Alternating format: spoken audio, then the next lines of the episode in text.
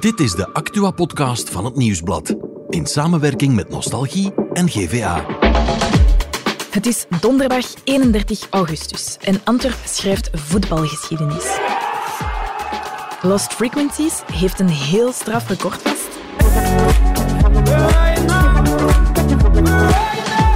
En een Gens Labo stuurt een geprint hart naar de ruimte. Maar dat is voor straks. Eerst gaan we het hebben over de zaak Sven Pichal. Want nu kennen we het verhaal achter zijn arrestatie en weten we wie nog bij de zaak betrokken is. Mijn naam is Laurent Stork en dit is The Insider. Bij ons in de studio zitten twee crimijournalisten, Sam Rijntjes van de Gazet van Antwerpen. Hallo. Hoi. En Mark Liefman van het Nieuwsblad. Hallo. Welkom. Hallo. Gisteren was het raadkamer rond de zaak Sven Pichal. En nadien is eigenlijk heel het verhaal wat naar boven gekomen. Maar vertel eens, hoe is die bal aan het rollen gegaan? Want Sam, jij zat gisteren ook in die raadkamer, hè? Niet in de raadkamer, Ja. dat eh, is achter gesloten deuren. Maar ik was eh, ja, aan het wachten voor de deur van de raadkamer. Ja. Een van de vele journalisten daar. Ja, het was, eh, er was heel veel volk, Mhm. veel camera's, die vooral de advocaten van Sven Pichal zochten, eh, Walter Damen en Davina Simons. Die wilden niets zeggen, ook na afloop van de raadkamer niet. Ja. Maar we hebben dan eh, wel het, eh, de parketwoordvoerder, Christophe Aerts, heeft de pers te woord gestaan en heeft een beetje meer uitleg gegeven over hoe dat, dat dossier tot stand gekomen is. Mhm.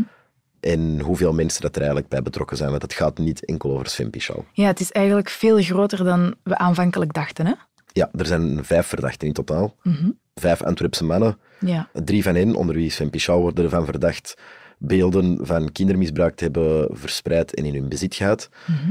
En de twee anderen worden enkel van bezit van die beelden verdacht. ja, het verspreiden, dat is iets nieuws, hè, als ik het goed begrijp. Ja, en in feite, dus, ja, de zaak is eh, zondag aan het licht gekomen dat er iets aan de hand was met Van, met Van Pichal. Mhm. Hij had zijn ontslag aangeboden bij de VRT. Zijn advocaten hadden gecommuniceerd dat hij zich professioneel zou bege- laten begeleiden. Ja. Maar toen wisten we nog niet zo goed wat is er nu aan de hand. Het woord eh, ja, beelden van kindermisbruik, hè, dat, dat viel dat wel. Mhm.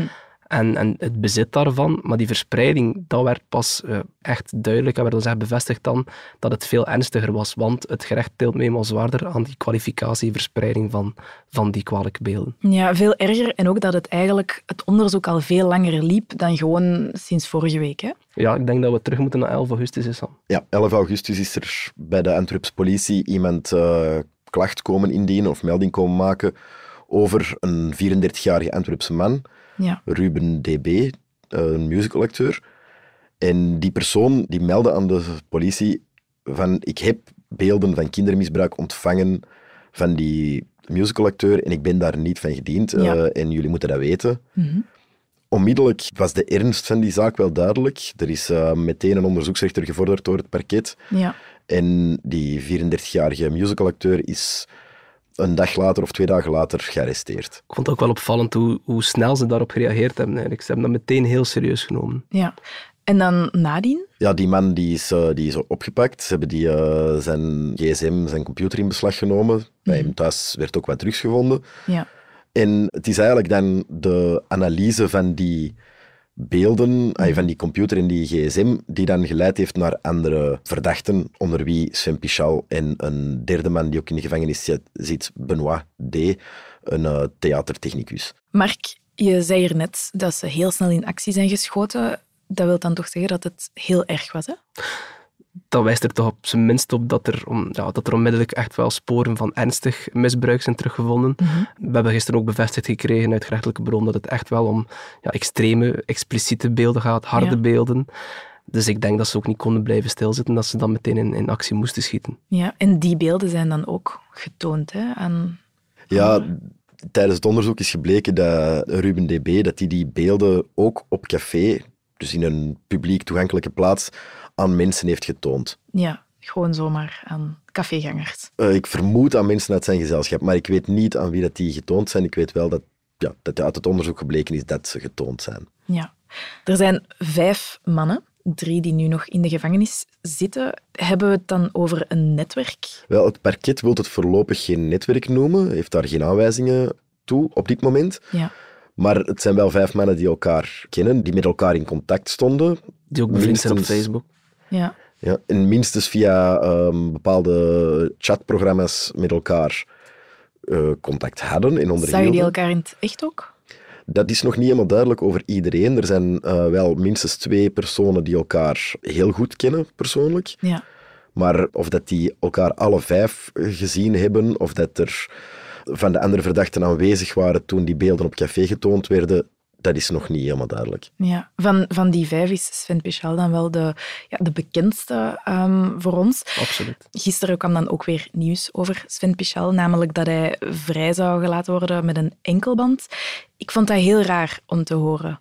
Ja, ik wil daar eerst en vooral even op zeggen dat met een enkelband, dat is niet vrijgelaten worden. Ja. Dat is een andere manier om je voorrechtenis verder te zetten, maar dat is geen vrijlating dat is, niet zoals, dat is niet zoals vrij, vrijgelaten worden onder voorwaarden. Dat is iets helemaal anders. In principe blijft hij aangehouden. Mhm. Alleen mag hij die voorrechtenis thuis onder de vorm van een enkelband thuis zitten. Ja. Dat was hetgeen wat aanvankelijk beslist werd. En dat wordt wel vaker gedaan.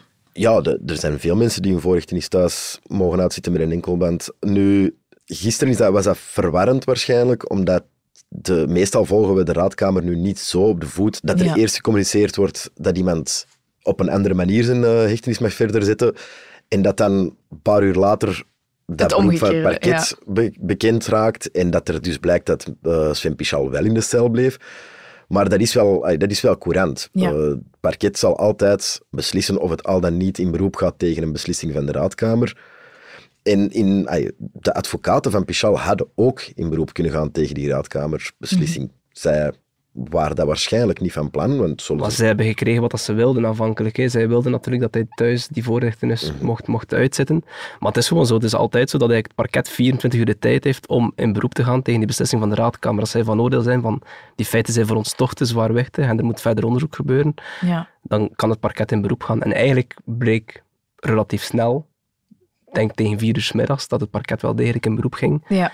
Waardoor, dat, ja, waardoor hij toch nog twee weken langer in de cel blijft. Want nu moet de zaak terug naar de Kamer van de Beschuldigingsstelling. Mhm. Dat is een andere instantie, een soort beroepsinstantie. Ja. En zij moeten nu oordelen of die gevangenisperiode gerechtvaardigd is of niet.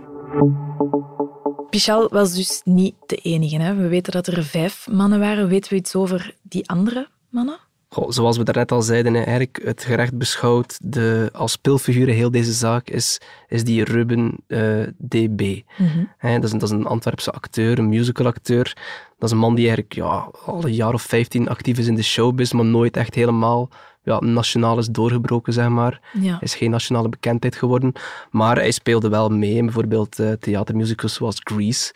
Dus hij was daar wel heel erg actief en probeerde daar ook de, de kost mee te winnen. Mhm. Maar daarnaast organiseerde hij ook uh, bijvoorbeeld kampen, uh, musicalopleidingen voor... Met kinderen dan? Ja, ook projecten waar kinderen bij betrokken waren. En daar roept natuurlijk wel wat vragen op nu, maar we mhm. moeten daar wel eerlijk bij zeggen ook. Um, hij wordt op dit moment niet ja, verdacht van bepaalde verkeerde handelingen of zo met minderjarigen. Ja. Het onderzoek bij hem spitst zich ook louter toe op het, ja, op het bezit en het verspreiden van, van die beelden van kindermisbruik. Mhm. Um, nu hebben we vandaag ook uh, contact gehad met zijn, met zijn advocaten.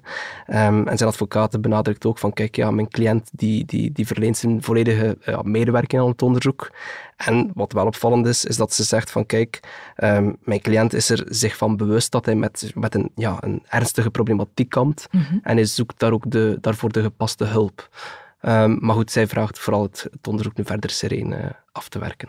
En dan is er nog een derde man die nog steeds in de gevangenis zit ook? Ja, dat is een um, Benoit D., Mhm. ook een, uh, een Antwerpenaar, een, een medewerker van, een, uh, van theaterproducties. Die wel met bekende namen werkt ook. Hij werkt Ja. met uh, succesvolle theaterproducties, met veel ja, bekende Vlaamse acteurs ook. Mhm. Dus in het wereldje ook geen onbekende. Ja.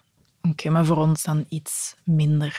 En dan zijn er nog twee andere, die zijn niet in de gevangenis gebleven. Wat weten we daarover? Ja, dat zijn ook twee mannen uh, die dus in contact stonden met uh, Ruben DB. Mhm. Eén iemand die hem heel goed kende. Um, en de reden dat die mannen voorlopig niet in de gevangenis zitten, um, een van hen werd vrijgelaten onder voorwaarden en de andere mocht na een verhoor beschikken. Dus die, is, uh, die is gewoon vrij. Ja. Het verschil is vooral dat zij enkel van het bezit van die beelden verdacht worden. Ja. En dus niet van de verspreiding. Daar zit het verschil. En is het hebben van beelden dan ook niet strafbaar? Zeker. En daarom ay, zijn die mannen ook nog steeds verdachten in het dossier. Ja. Maar vond de onderzoeksrechter het voorlopig niet nodig om hen op te sluiten in de gevangenis. Ja. Verhalen van kindermisbruik, ze komen altijd wel binnen als een shock. Hè? Maar hoe vaak gebeurt dat dan? Is dat iets courant of is dat eerder iets zeldzaam? Ik denk dat het zeker niet zeldzaam is, dat het zeker niet uitzonderlijk is. Um, ik denk als je, dat overal in Vlaanderen in de rechtbank, als je daar binnenstapt in, in een correctionele zitting, ik denk helaas is het, een, is het eigenlijk wel heel courant dat zulke zaken behandeld worden. Dat er zaken van beelden van kindermisbruik behandeld worden. Eigenlijk is dat een alledaags gegeven. Alleen komt dat niet elke dag uh, uitgebreid en uitgesmeerd in de media. Ja. Ik denk dat Sam, die ook elke dag in de rechtbank zit, die dat ook wel kan beamen. Ja, klopt. In Antwerpen is er elke maandag een zitting waarin zedendossiers behandeld worden. En daar zijn heel veel heel vaak zijn dat zaken van minstens bezit van uh, beelden van kindermisbruik.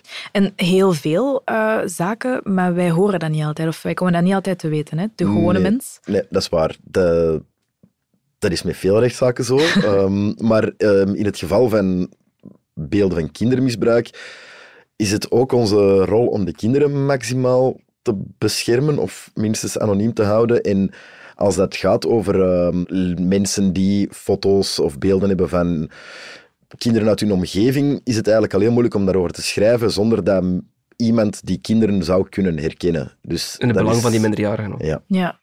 Nu, jullie zitten allebei heel vaak in de rechtbank. Mark, jij hebt ook een tijd geleden een heel belangrijke zaak meegevolgd, uh, de zaak Guy van Zande. Hoe, daar wordt ook vaak naar verwezen nu, hè? Ja, uh, mensen als men denkt over beelden van kindermisbruik, dan denken mensen heel vaak dat dat ja, een beetje aan de, aan de zelfkant van de maatschappij gebeurt, dat dat in de, de lagere echelons van de maatschappij gebeurt. Mhm. Ehm, maar nu, deze zaak blijkt duidelijk dat dat helemaal niet het geval is. En ehm, in 2016 brak toen het verhaal rond Guy van Zande uit. En dat was eigenlijk een beetje een, hetzelfde verhaal. Hè. Dat was uh, Guy van Zande, bekende acteur, ja. werd toen ook betrapt op het op bezit, verspreiden en zelfs productie, dus het aanmaken van, van dergelijke beelden. Mhm was een zeer zwaar dossier. En toen bleek ook dat hij ook contact had met een professor, ook iemand uit de, ja, zeg maar de bovenlaag van de maatschappij. Ehm, en zo zie je maar dat het dan toch overal kan gebeuren, blijkbaar. En daarvoor, daardoor wordt er wel een beetje verwezen naar deze zaak ook. Ja, ja nu, Guy van Sande die kreeg een milde straf. Uh, die spendeerde geen dag in de cel. Hebben we een idee van wat Pichel en de andere verdachten nu te wachten staat? Dat is op zich wel opvallend. Ik denk inderdaad dat Guy van Zande geen dag in de cel heeft gezeten destijds, terwijl het eigenlijk echt wel om een zeer zwaarwichtig dossier ging. Um, er werd zelfs vier jaar effectieve gevangenisstraf tegen hem gevorderd. Um, zijn advocaat had toen aangebracht dat, het, dat hij vooral met een cocaïneverslaving kampte en dat hij dan tijdens die periodes onder invloed ja, zich, zich schuldig maakte aan het kijken naar dergelijke beelden.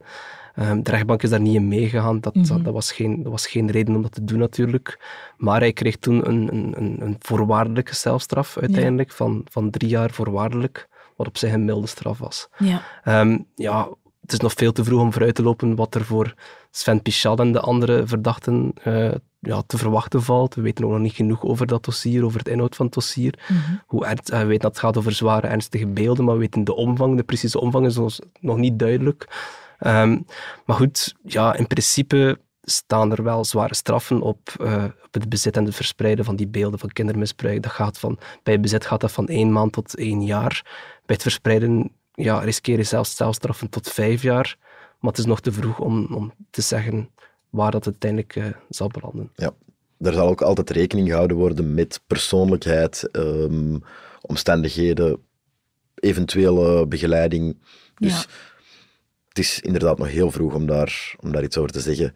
Dat het onderzoek soms, loopt al even, maar eigenlijk voor een gerechtelijk onderzoek we zitten echt nog in het beginstadium. In ja, we spreken over 11 augustus, dus het gaat over twee, drie weken. Eigenlijk moet het nu pas beginnen en het kan zelfs zijn.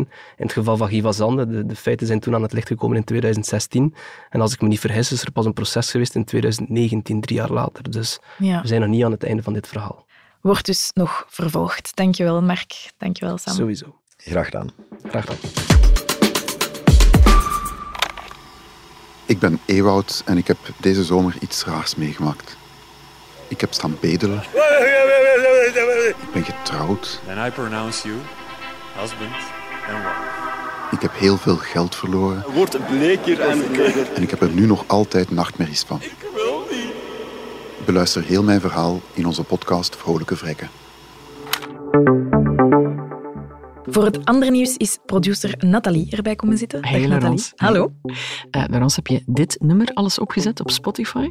You're just like my favorite song going round round my head. Ja, eigenlijk wel. Ah, ik dacht van wel, eh, en jij niet alleen. Felix de Laat, al langer veel bekender als Lost Frequencies natuurlijk, heeft een zeer straf record te pakken met Where Are You Now? Zijn hit uit 2021. Hij is de eerste Belgische artiest die meer dan een miljard streams heeft gehaald. Dat zijn tien cijfers, toch? Hè? Dat is inderdaad, ja, dat is, dat is heel lang, dat is hallucinant. Ja, en had hij het zelf ook verwacht? Hij zag dat wel aankomen natuurlijk, ehm, maar is er wel nog altijd door overdonderd. Hij zegt het blijft waanzinnig hoeveel mensen naar mijn muziek luisteren. En het is wel een motivatie ook om te blijven doorgaan. Eh, hij houdt trouwens een race met zichzelf, want zijn debuutsingle Are You With Me uit 2014 is ook al goed voor bijna 890 miljoen streams. Een nummer dat hij ooit in zijn slaapkamertje in Brussel maakte. Are you with me?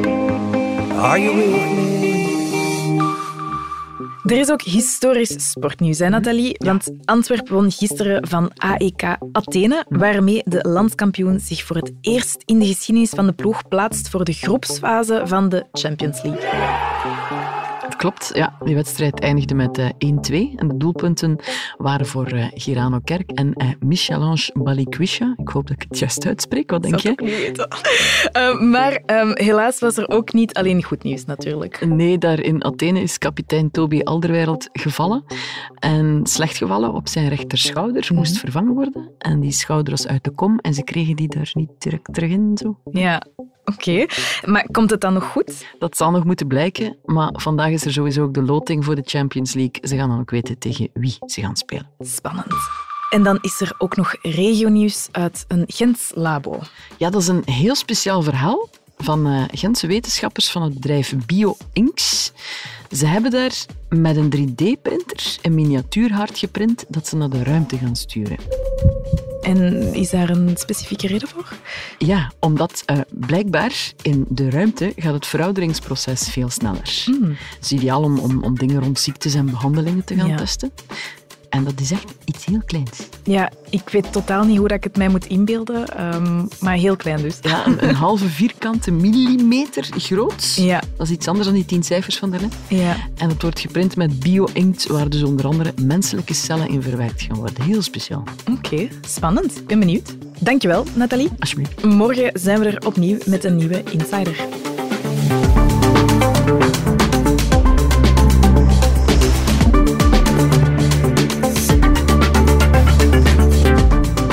Dit was The Insider, een podcast van het Nieuwsblad in samenwerking met Nostalgie en GVA. De muziek is van Pieter Santens. De montage gebeurde door House of Media. Wil je reageren? Mail naar podcast.nieuwsblad.be.